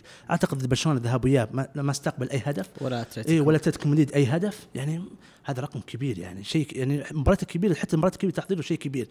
المباراة الصغيرة يخطف لك هدف وخلاص ويقفل المباراة. آه بعد الحجر اللي صار إنه عشان ما يرهق اللاعبين زيادة ولا يضغطهم ولا يستقبل هدف ثم يضطر إنه يهاجم يهاجم يهاجم ففي استنزاف بدني ولياقي فهو يحاول يخطف لك هدف ويقفل المباراة. آه اللي يعمله شيء كبير يعني زيدان آه شيء لا يتصور يعني آه ما كنت متوقع حتى وقت الحجر أنا كنت أقول إنه لو الغوا الدوري هل برشلونه لو رجع الدوري هل برشلونه هل برشلونة بيحقق الدوري يستمر كذا؟ فاللي كان مخوفني شيء واحد اللي هو إنه جدول برشلونة كان أصعب بشوي من جدول مدريد. بس قلت إنه زيدان اللي اشوفه أنا مو ممكن ما ما أتوقع إنه راح ينتصر الانتصارات هذه الكبيرة يعني 10 انتصارات ما لأن إلا تسأل أي واحد ممكن. اشد المتفائلين وش النتائج؟ هذا ما راح يقول لك راح نحقق 10 انتصارات. فلكن اللي صار إنه قدر عليه وحقق انتصارات وجاب الدوري ويستحق لمدريد ونقول لهم ألف مبروك. طيب. آه إذا كان جدول مدريد أصعب ولا برشلونة قلت أصعب لا برشلونة كان أصعب طيب تكلم عن برشلونة وخسرت على الدوري آه، برشلونة نفس نقدر نقول وضع فالنسيا اللي هي التخبطات الإدارية. آه، فالفيردي المفروض إنه ما يقال نص الموسم. لكن المفروض إنه يقال بداية الموسم اللي هو بالصيف. خلاص بعد بعد كارثة ليفربول المفروض خلاص فالفيردي يمشي. آه، يعني أنا للحين مستغرب كيف ما قالوه يعني وش كانوا ينتظرون يعني ال- الإدارة بالذات؟ هل كانوا متخوفين؟ أعتقد الشيء الوحيد اللي كان متخوف منه الإدارة هو دفاع اللاعبين عن فالفيردي لما طلع ميسي وقال إنه إحنا نتحمل الخطأ وبعض اللاعبين قالوا إحنا نتحمل الخطأ وكذا فهم خايفين مترددين إنهم يشيلون مدرب فيسببون مشاكل مع اللاعبين فاستمروا والفريق كان كان ينتصر لكن انتصاراته كانت ضعيفة حقيقة بدون مستوى وكان متصدر okay لكن كان متوقع بأي وقت ممكن يفرط في الصدارة. على سبيل المثال في دوري الأبطال تصدر برشلونه ما في مشكلة. لكن لو تناظر نتائج المباريات مع إنتر مثلا ذهاب وإياب إنتر كان أفضل منك ذهاب وايابا لكن وش اللي صار؟ إن فالفيردي مع برشلونه حقق انتصار ذهاب وإياب. لكن كان ممكن إنه إنتر يسبب لك يحرجك في المباراتين. ضد دورتموند في أرض دورتموند ضيعوا بلنتي في الوقت الأخير كان ممكن تسبب لك كارثة يعني. إنه كنت عندك دورتموند منافس و... وإنتر منافس كان ممكن تطلع من دوري الأبطال ويسبب كارثة. لكن إنه مرات يخدمك الحظ يعني وتفوز يعني وت- وتصدر برشلونه المجموعة. لكن كان الواضح إن برشلونة جالسين ينتظرون زلة على الاداره كانت تنتظر زلة على فالفيردي عشان يقيلونه. بعد ما صار في السوبر ال- الأسباني اللي صار بعد خسارة من مدريد تمت اقالته طيب تمت اقالته وهو متصدر الدوري الإسباني. طيب من الخيارات المتاحة؟ من اللي فيه؟ طبعا أكيد هم راحوا مثل ما شاهدنا راحوا فاوضوا تشافي مثل ما ظهر ابيدال في الإعلام إنه راح يفاوضون تشافي وصرح الإعلام. آه، رفض تشافي طبعا إنه بنص الموسم شيء يعني ما يقدر يجي نص الموسم آه، فيها مخاطرة كبيرة له لأنه خصوصا على بدايته التدريبية. فما ما يقول لك كيكي سيتين اللي هو مناسب للفريق. طيب هل كيكي سيتين حقق المطلوب؟ كيكي سيتين هل خدمته الظروف؟ أنا وجهة نظري إن كيكي سيتين مع برشلونه أو عفوا برشلونه مع كيكي سيتين أفضل من آه، برشلونه مع فالفيردي آه، لأنه كيكي سيتين في آه، برشلونه كان مع كيكي سيتين واجه مباريات يعني صعبة ريال مدريد إشبيليا ريال بيتيس في ريال آه، كلها خارج أرضه مع ذلك النتائج كانت مت- متقاربة مع فالفيردي كيكي سيتين الفريق تحسن مع كيكي سيتين لكن ليس بالتحسن المطلوب ليس بالتحسن اللي ممكن يجيب لك دوري. كيكي سيتين تصدر الظهر مرتين مع برشلونة مع ذلك مو قادر يحافظ على الصدارة. يا- خس كيكي سيتين معروف عنه من يوم كان بيتيس ولاس بالماس فريق مدرب دفاعيا أقل من المطلوب يستقبل بهجمات. يعني أنا في كثير ضد سلتافيجو ك- برشلونة كان متقدم 2-1 كان ممكن يخسر 3-2 لو استغلوا الفرصة الأخيرة وتنقلب تنقلب هذا كيكي سيتين من يوم مع بيتيس ولاس بالماس يستقبل أهداف كثيرة. انت ترجع إحصائيات كيكي سيتين مع الأندية يستقبل عدد مهول من الأهداف. توصل 60 70 هدف في الموسم. بس فريق هجوميا تغير لا حقيقة تغير يعني. شفنا الفريق هجومي كويس. لكن هذا ما ينفع مع برشلونة. طريقة برشلونة عناصريا يعني ما تنفع إنه تلعب لأنه في بطء شديد. يعني بيكي بوسكيتش سيرجيو روبرتو لاعبين مو سريعين آه، بالسرعه الكافيه يعني أي مرتدة مثل ما تكلمنا إحنا بأي مرتدة ممكن تخطف لك هدف يعني زي فريق أوساسونا ب 10 لاعبين مرتدتين قدر يفوز بالكامب نو. وانتصر في الكامب أيوه في الكامب نو يعني مو وكان وقت الفريق ممكن يناف... ما زال ينافس على اللقب. أوكي ريال مدريد ممكن ظهرت أخبار بس إنه ب 10 لاعبين يفوز ما هذه ما مو ما بهجمتين مرتدة ضرب برشلونة وخلص. سلتا فيجو بهجم... بهجمات مرتدة ضرب برشلونة كثير. آه، أندية كثيرة ضربت برشلونة كثير بالمرتدات. بس في غالبية إنه يا شتيجن يكون منقذ يا في القايم يا في العارضة. آه، أتلتيكو مدريد سجل هدفين عليك في الكامب في الكامب نو. وكان في هجمات له خطيرة جدا يعني الفريق دفاعيا مو بالمستوى. فهذه مشكلة كيكي سيتين. برشلونة محتاج إنه عناصريا يكون يجي محتاج مدرب يكون مطابق للعناصر اللي هي أربع لأنه كيكي سيتين يلعب ثلاثة دفاع مع تقدم الظهيرين الأيمن والأيسر بمساعده الهجوم. فهذه ممكن تسبب خطورة على برشلونة. ممكن تفيدك في الدوري. لاحظ ممكن تفيدك في الدوري. لكن في دوري الأبطال ما أعتقد. يعني فريق مثل بايرن ميونخ يملك هجوم قوي جدا ومرتداته قوية ممكن يسبب لك خطورة يعني. فنابولي برضو نفس الشيء خطير. أنا ما أدري وش راح يصير في الكامب نو لكن نقول إن شاء الله الأمور تتيسر إن شاء الله. طيب يبدو بأن محبي برشلونة غير واثقين بالفريق بعد خسارة الدوري. والفريق في دوري الأبطال يبدو بأنه حتى في مسار صعب. نابولي ليست مباراة سهلة. زائد أنه ال- الفريق ممكن مقبل لو لو تعدى نابولي يواجه مباريات صعبة جدا. قد تكون مستحيلة على الفريق الحالي. آه، رأيك في برشلونة بعد تحقيقه للوصافة وليس الدوري؟ وأيضا مساره في دوري الأبطال المتوقع. والله شوف عادة الأندية اللي فيها التذبذب هذا في المستوى ما تقدر تتنبأ. يعني يعني مثلا بايرن ميونخ الآن لو يدخل أي مباراة أقدر أرشح بايرن ميونخ قياسا بأداء الثابت في معظم فترات الموسم. تجي مثلا فريق ثاني أداء سيء تقول والله مثلا أنا ما أقدر ما ال- ال- الفريق هذا. لكن لما يكون الفريق مرة فوق ومرة تحت يعطيك مباراة كويسة ومباراة أقل زي برشلونة زي يوفنتوس وإن كان فاز بالدوري الإيطالي هذا ما تقدر تثق فيه في مباراة خروج مغلوب. يعني خاصة في ظل الغيابات الكبيرة اللي عند مباراة واحدة فقط. إيه اللي اللي عند برشلونة يعني. و... نابولي فاز على يوفنتوس في نهائي كأس إيطاليا ما عنده رهبة اللعب أمام فريق كبير. أه كنا نرجع للكلام اللي قاله عبد العزيز عن ال- وضع برشلونة أساسا.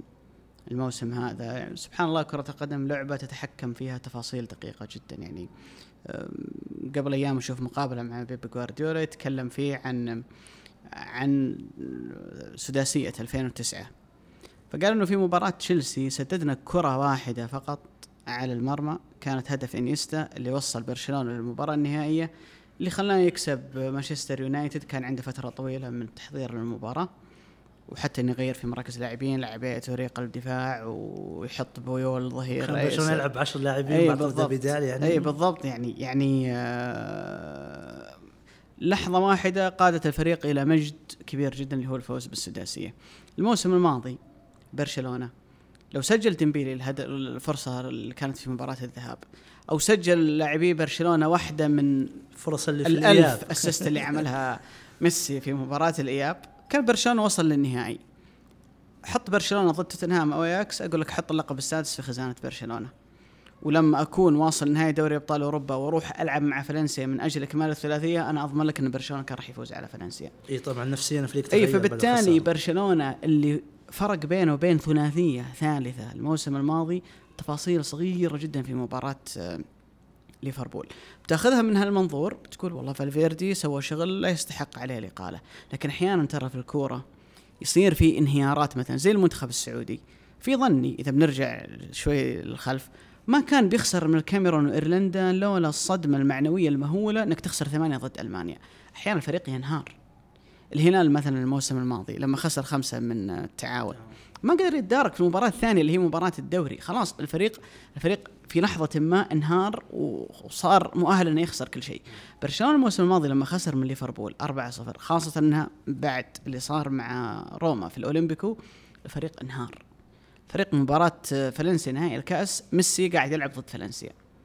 بقية اللاعبين ميتين. لم زي ما قال عبد العزيز إنه تاخذ قرار إنه تبدأ الموسم مع فالفيردي اللي الفريق وصل معاه للانهيار المهول هذا كانت آه، انتحار من إدارة برشلونة للأمانة. يعني والفريق كان ماشي والكل يتوقع إنه في لحظة ما راح ينهار في وسط الموسم. صحيح. يعني كل الناس كانت تقول إن برشلونة في لحظة ما في وسط الموسم خاصة لما لما صارت آه، المشاكل علنية بين ميسي وابيدال وصار في معسكر ميسي واللاعبين ضد الإدارة خلاص الكل كان يتوقع انه برشلونة في لحظة ما راح. وأنا أقول لك برشلونة اليوم لو لو ما في لعيبة ثقال في دكة البدلاء عندهم خبراتهم تجربتهم زي بيكي وزي ميسي وزي سواريز ممكن الفريق كان ينهار بسهولة أكبر من هذه. كان أنهى الدوري مدريد فترة بالضبط. طويلة يعني. فأنا من الناس اللي لما اقيل أقيل فالفيردي قلت إن بقائه كان مشكلة ورحيلة أيضا مشكلة. بقائه مشكلة من الأساس ليش يبدأ الموسم مع برشلونة؟ ورحيله منتصف موسم. حتى الان حتى لو مشى سيتي نهاية الموسم.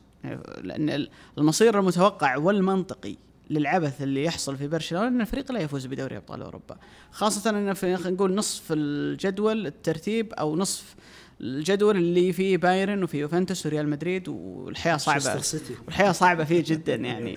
فالنتيجة المتوقعه إن برشلونة من الصعب إنه يفوز بدوري أبطال أوروبا. طيب للموسم الجاي ما عندك ميزانية تقوم بتغيير جلد زي اللي صار في 2009 أو قبله في 2003 2004 لما جاء ديكو وصامويل إيتو كذا لاعب ما عندك الملاءه المالية إنه أنت تغير ولا يوجد عندك بعد رحيل مبالغ اللاعبين إيه. اللي ترغب فيهم عالية جدا عالية السوق تغير خلينا نقول الشراية كثروا يعني ال- اليوم يقال إنه مانشستر يونايتد يفاوض دورتموند على سانشو سانشو؟ طالبين 120 مليون يعني وسانشو ما شفنا إلا موسمين. بالضبط يعني فلك انت تخيل يعني الغلاء الفاحش في أسعار اللاعبين. فعمليه تغيير الجلد بتكون صعبة على برشلونة. أعتقد إنه في ظني إنه موسم بلا ألقاب هي نتيجة منطقية لل- للسوء الإداري الكبير اللي موجود عندهم. عليهم أن يفكرون في القادم. وحتى القادم أنا أشوف إنه يمكن كنا كنا نحكي قبل الهواء يعني إنه مقومات إنه أنت تعود مرة أخرى أنا أشوفها ما هي موجودة عند برشلونة. وحتى يعني ممكن الشيء الوحيد اللي مبقي برشلونة يعني خلينا نقول له ثقة وهيبته هو وجود ميسي. صحيح. ولا فعليا الفريق على مستوى كافة المراكز في تراجع واضح. لا عاد عندك اليوم قائد زي بويول وبيكي لما يعتزل ما عندك قلب دفاع بقيمة بيكي وبوسكيتس لما يمشي ما عندك محور بقيمته. ناهيك عن شافي وإنيستا اللي ما قدرت تعوضهم. ناهيك عن مراكز كثيرة أنت فشلت في عملية إحلال خلينا نقول جيل مكان جيل ثاني. صفقات في معظمها اقتصادي من أجل خبطات إدارية. بالضبط يعني من أجل تضبيط الميزانية. امشي ارثر واجيب يانيتش. طيب يانيتش بيكون خيار كويس لموسم أو موسمين بس لما يكبر في السن طيب يحتاج لاعب ثاني بدالة. طيب ويجيب لك اللاعب زي آرثر على أنه تشافي المنتظر ثم بعد سنة سنتين يتخلى عن الحلم. ويلا وجيب واحد ثاني. نفس الفكرة يعني اللي صارت يعني يمكن مع امتيتي يعني. جاء في فترة كان هو آه هو المدافع برشلونة لعدة سنوات. بعدين جاء الانجلي وصفط على جنب يا امتيتي ف ما, ما, في استمرارية ما في رؤية ما في رؤية واضحة ولا حتى على مستوى المدرب. كنت أقول عبد العزيز كنت متفق وياه قبل الهوا إنه ممكن ممكن ممكن يكون مواصفات شافي ولي مواصفاته خلينا نقول في غرفة الملابس وليس كفاءة الفنية هي ما هي ما يحتاج برشلونة. طالما التغيير صعب وتكلفة التغيير مرتفعة جدا ولن تقدر الإدارة عليها فبالتالي مدرب ضعيف شخصية آخر بعد فالفيردي وسيتين هو استمرار لنفس المشاكل. تجيب مدرب صارم ما راح يمشي لأنه غرفة الملابس فيها خلينا نقول ثقلها. إي لها ثقلها وفيها أسماء كبيرة. الحل تجيب واحد يخلق التوافق والتوازن. بالضبط زي اللي مسويه زيدان. يعني غرفة ملابس فيها راموس فيها مودريتش فيها لعيبة حققوا نجاحات مع ريال مدريد زي مارسيلو. ما بنقول بنزيما بنزيما حبيب ما ما يسوي مشاكل. يحب الكل. بالضبط. فتجيب مدرب صدامي بيتعب معاهم. تجيب مدرب ضعيف شخصية بيسيطرون عليه. الحل إنه تجيب مدرب يخلق التوافق زي اللي خلقه زيدان في ريال مدريد. أنا أقول لك دع موضوع الكفاءة الفنية على جنب. أكلمك عن موضوع أجواء النادي بشكل عام. ممكن يكون تشافي يعني بحكم أنه لعب مع العناصر هذه ويعرفهم وقرب لهم وفي خلينا نقول قبول يعني. الاختيار ما راح إيه يكون بسيط يعني. يعني. لو رفض تشافي مثلا مثل ما قال عبد الله من في في الساحة يعني؟ أوكي في أليجري في بس هل هم مناسبين برشلونه؟ هنا السؤال. يعني واضح إنه الاختيار راح يكون صعب على الإدارة. ما أعتقد راح يكون بالسهولة هذه. آه، هل هم متفقين الآن مع مدرب ما؟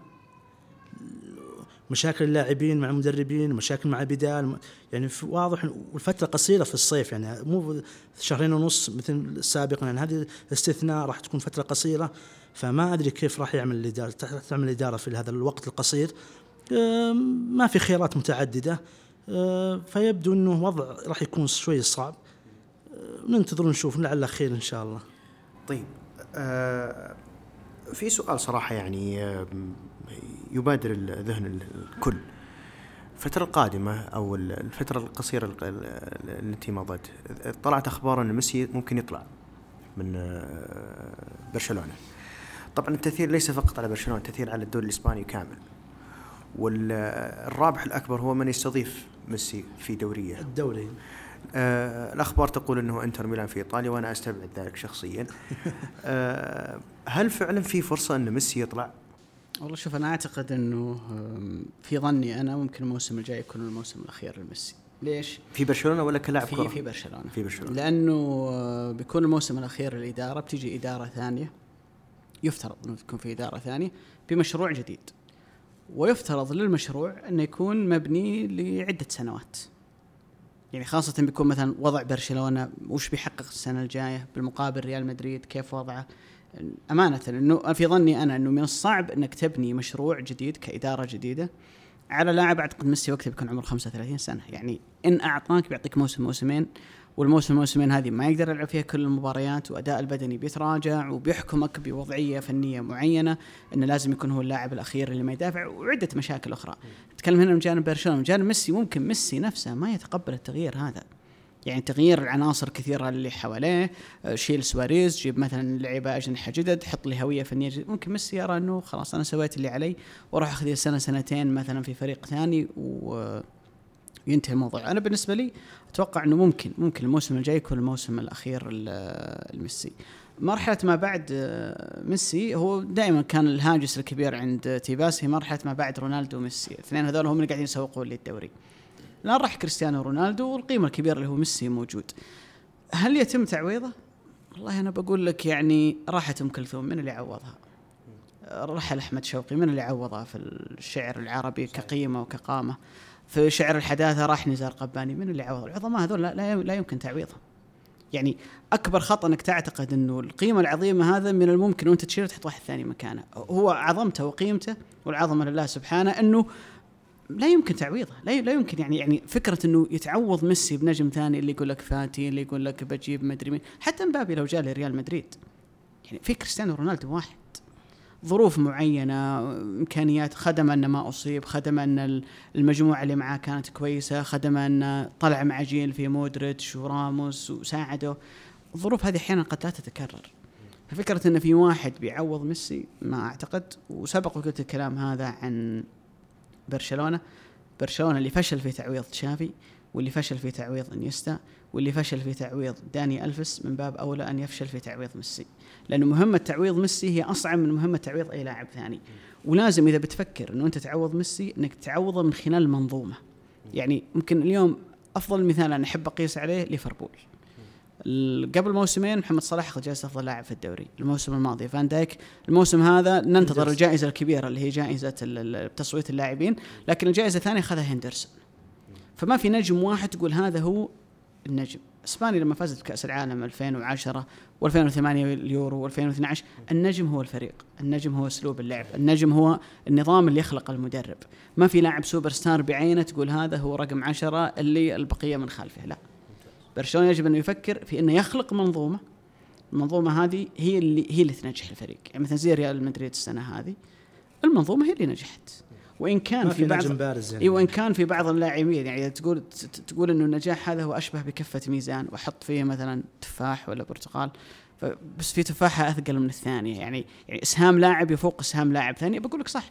بقول لك إسهام بنزيما إسهام كاسيميرو إسهام راموس إسهام كورتوا يفوق إسهام كثير من اللاعبين. لكن في نهاية الأمر المنظومة هي هي هي اللي قادت الفريق للنجاح. فأعتقد إن برشلونة يجب أن يفكر بالطريقة هذه لأنه تعويض ميسي آه، وين بيروح ميسي؟ وين بيروح؟ شوف يعتمد. أنا أعتقد إنه ممكن تستغرب. أنا أعتقد إنه وجود رونالدو هو اللي بيحدد الموضوع. يعني يعني طالما رونالدو موجود ويلعب Champions League وينافس يعني هو في دائرة الضوء وينافس على الكرة الذهبية وعلى لقب الحذاء الذهبي و و ميسي من الصعب إنه يروح يلعب دوري أمريكي ولا دوري صيني ولا اللي يكون لأنه راح الساحه تخلى رونالدو ممكن يجيب كرة ذهبية وإعادة رقمي ممكن يجيب آه، حذاء ذهبي ومن الأشياء هذه. يروح ينافسه في الدوري الإيطالي أنا شخصيا أستبعد. أستبعد إني أروح أواجه رونالدو في ملعبه. في الم... مثلا إذا قلنا إن رونالدو مع يوفنتوس يوفنتوس مستقر وضعيته الفنية كويسة وتسع سنوات يفوز بالدوري. أروح ألعب في ميلان ولا الإنتر فريق لسه تو بادي ينافس معناته أنا أعطيت رونالدو أفضلية علي. ففي ظني ممكن ممكن يروح دوري إنجليزي. مع إنه صعب في هذا السن. ممكن خيار وارد إنه يروح يلعب مثلا في بايرن ميونخ.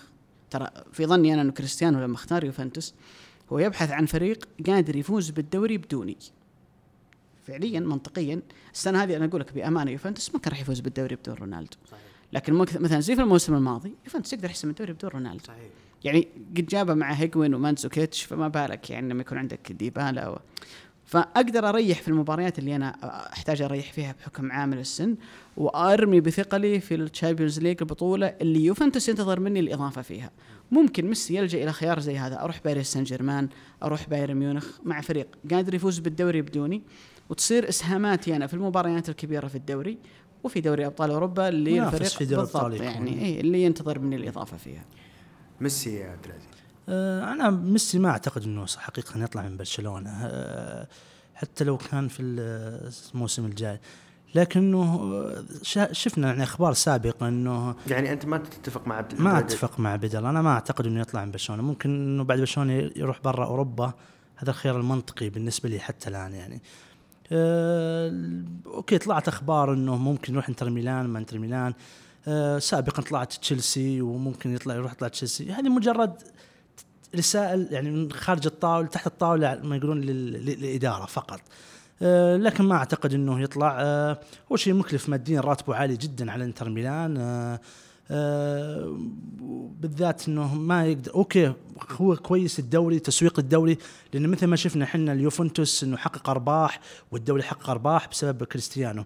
آه لكنه أنا أعتقد إنه ما يطلع في أسباب كثير يعني. آه ممكن إذا يقعد سنتين في برشلونة زيادة غير الموسم هذا وبعدها يطلع يعني برا برا أوروبا كلها ممكن الأرجنتين بحسب آه، قدرته البدنية وإمكانياته وقتها يعني آه، ممكن يروح أمريكا أو يرجع للأرجنتين وهالشيء ممكن. ممكن هو يبغى يستلم برشلونة حتى 2022 عشان كأس العالم آه، فهذا ممكن يكون سبب يعني استمراره يعني في برشلونة. خصوصا إنه برشلونة ما هو المعام هو الكل بالكل يعني فممكن ما ما أعتقد انه خروجه بالسهولة هذه راح يطلع. يعني ممكن مثل إنيستا وتشافي لما طلعوا من برشلونة ما طلعوا الفرق أخرى طلعوا برا إسبانيا. أو عفوا طلعوا برا أوروبا كاملة. ممتاز. طيب آه، مفاجأة الموسم في إسبانيا. آه، أنا بوجهة نظري مفاجأة الموسم آه، غرناطة. صراحة اللي عملوا الموسم هذا شيء كبير يعني بقيادة دييغو مارتينيز هو يعتبر أصغر مدرب في الليغا آه، اللي سواه مو سهل اول اول مرة يتأهل للدوري الأوروبي موسم كان بطل ممتاز آه، ما كانوا سهلين على أرضية الملعب آه، قدموا مستويات ممتازة فأنا أعتبره إنه اللي سواه صراحة شيء كبير في الموسم هذا. فاعتقادي إنه هو أكبر مفاجأة بالنسبة لي يعني, يعني لو تقول لي قبل الدوري من المرشحين للهبوط راح أحط لك غرناطة من ضمنهم يعني على طول لكن اللي سواه دييغو مارتينيز شيء مو سهل شيء مو سهل ابدا يعني آه، عمره أعتقد 39 أو 38 ويقود الفريق آه، بعناصر يعني ممكن ما حد يعرفها على الساحة آه، إلى الدوري الأوروبي شيء كبير. هذا أعتقد إنه المفاجاه الأكبر يعني في وبالذات إنه وصل نصف نهائي الكأس وكان قريب جدا من الوصول للنهائي يعني. كان لن يخرج بالباو لكنه في الدقائق الأخيرة سجل بالباو وتأهل بالباو وشفنا نشوف دير بالباسك. المفاجأة تتفق انها غرناطة؟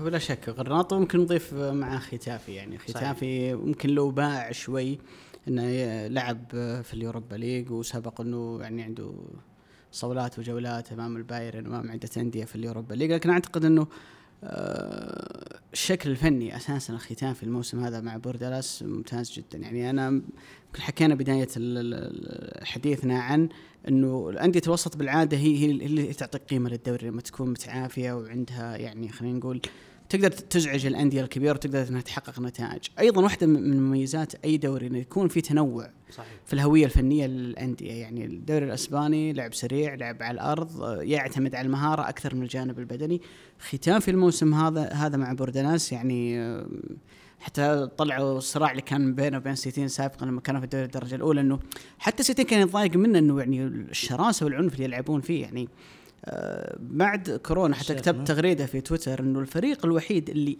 كتبت حرفيا أكل ريال مدريد بدنيا هو ختافي.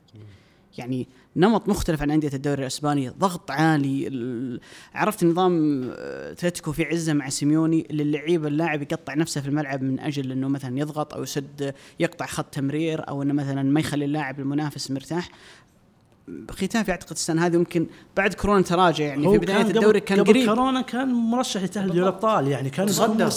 كان إيه، كان لا قبل ال- الكورونا كان آه، بنفس النقاط مع سوسيداد الرابع والخامس كان بس في مرشح. جوله في جولة انتهت يعني قبل كورونا وبداية الموسم تصدر يعني. اي جولة أنا متصدر. بس إنه كان قريب يعني. بس إنه بعد الحجر إيه، على المدى. squad اللاعبين عدد قليل يعني 11 لاعب فقط من كانت ختافي ما عندهم أكثر من وفعليا كذا. الأندية هذه أساسا إذا تناظر التشكيلة اللي موجودة عندهم مثل مثل ما يعني تحدثنا عن أتلانتا نفس الفكرة يعني. ما تقول هذا لاعب تطمع فيه الأندية الكبيرة. يعني معظمهم عناصر عادية معظمهم لاعبين ممكن أعلى قيمة سوقية ممكن ما تتعدى ممكن 10 15 مليون يورو. بس نظام اللعب اللي يخلقه المدرب الانضباط اللي موجود هو اللي يساعدهم. آه، لازم نقول إن الأندية هذه بأمانة أضرها كثير موضوع الكورونا لسبب إنه ال- الأندية اللي اللي متعود إنها تلعب كل ثلاث أيام. اللي بينافس في الدوري والأبطال وبطولة الكأس يكون عنده زاد بشري كبير جدا ظهيرين ممتازين في كل جانب واربع سناتر ومحورين وما إلى ذلك الأندية هذه متعودة إنها تلعب مباراة في الأسبوع ومتعود إنها تقتنص فرصة لما ألعب معك ريال مدريد وأنت جاي من ال Champions League وأنا مريح فيكون عندي أفضلية تستفيد. بدنية عليك لما صارت كل الأندية تلعب مباراة كل ثلاث أيام سقط الجانب هذا صح. فصار ما, ما في أفضلية أو خلينا نقول ميزة عند الفريق المتوسط يقدر يعوض من خلالها الفارق الفني بينه وبين الفريق الكبير. والموضوع هذا مثل ما قال عبد العزيز ضر ختافي واللي كان مرشح بشكل كبير جدا إنه يوصل دوري أبطال أوروبا الموسم القادم. أنا بصراحة سعيد إنه ما وقع بوردلاس مع فالنسيا لأني حاب إني أشوفه موسم ثاني مع ختافي. في ظروف أفضل وموسم كامل بدون التقطعات اللي صارت. أعتقد إنه ممكن يقدر الموسم الجاي. يعني بيكون صعب بيكون صعب علينا يوصل لدوري أبطال أوروبا لكن ليش لا؟ ممكن الأهم إنه يسوي ما يطلع من الدوري الإسباني بس. بالضبط. آه، وعلى فكرة ختافي قبل الحجر أخرج أياكس من الدوري الأوروبي. يعني أياكس كان مرشح إنه يوصل دور 16 في آخر جولة. إيه فأخرج أياكس الآن بيقابل إنتر ميلان في آه، دور ظروف أخرى. آه. طيب. آه تقريبا هذا كل ما لدينا. شكرا آه جزيلا لوجودكم وحضوركم. عبيد الله شاكر جدا وممتن وجودك. أنا سعيد بوجودي معكم. آه، يعني ممكن تكون المرة الأولى اللي نطلع نتكلم فيها عن عن الدوري الأسباني. يعني عادة الحديث ما يكون عن ريال مدريد وبرشلونة. وأمانة أنا دائما أقول إن الدوري الأسباني دوري مظلوم بسبب عدم ما, ما في لاعبين نجوم أو لاعبين معروفين في أندية الوسط. يعني تسهم في إبراز الدوري هذا. ما في تغطية إعلامية. حتى لعبة الفانتسي يمكن ساعدت في إشهار مثلا اللاعبين المتميزين في أندية زي شيفيلد وزي ساوثهامبتون في الدوري الإنجليزي. إي الناس تاخذ إنجز إنه يسجل أهداف صحيح. لاندسترام لأنه مدافع يلعب وسط ويعمل. أهداف و assist. تضطر إنك تتابعه وتشجعهم بالضبط. بينما الدوري الإسباني في- في في في شغل فني وفي مستويات ممتازة جدا وفي مباريات رفيعة المستوى لكن ما في تسليط ضوء عليها. وأعتقد إنه يعني آه، زي ما قلت في بداية الحلقة أنا سعيد بوجودي مع عبد العزيز لأنه أمانة للأمانة من الناس اللي القلائل في الليغا اللي يتابع الدوري بشكل عام. يعني جرت العادة إنه جمهور الدوري الأسباني هو جمهور يا ريال مدريد يا برشلونة. يتابع ال 38 مباراة اللي يلعبها فريقه ويتابع المنافس عشان يتعثر وباقي المباريات ما له شغل فيها. لكن عبد العزيز ما شاء الله عليه من الناس اللي متابع للدوري بشكل عام ملم بلاعبيه ملم بمدربيه فوجوده إضافة كبيرة جدا وسعدت بتواجدي معكم. عبد العزيز شكرا جزيلا وجودك. شاكر لكم تحت فرصة الأولى هذه في الإعلام يعني. آه، وإن شاء الله قدمنا ما هو مفيد. آه، لو تكلمنا عن الدوري الإسباني من دوري محبب لي يعني. تابع مغلب أغلب مبارياته اللي فيه آه، ومع الزميل ال- والأستاذ عبيد الله ما شاء الله. فشاكر لكم جزيل الشكر. الله يحفظك. شكرا جزيلا على استماعكم. كان هذا كل ما لدينا حول حلقة موسم الدوري الإسباني لكم أجمل تحية. والسلام عليكم ورحمة الله تعالى وبركاته.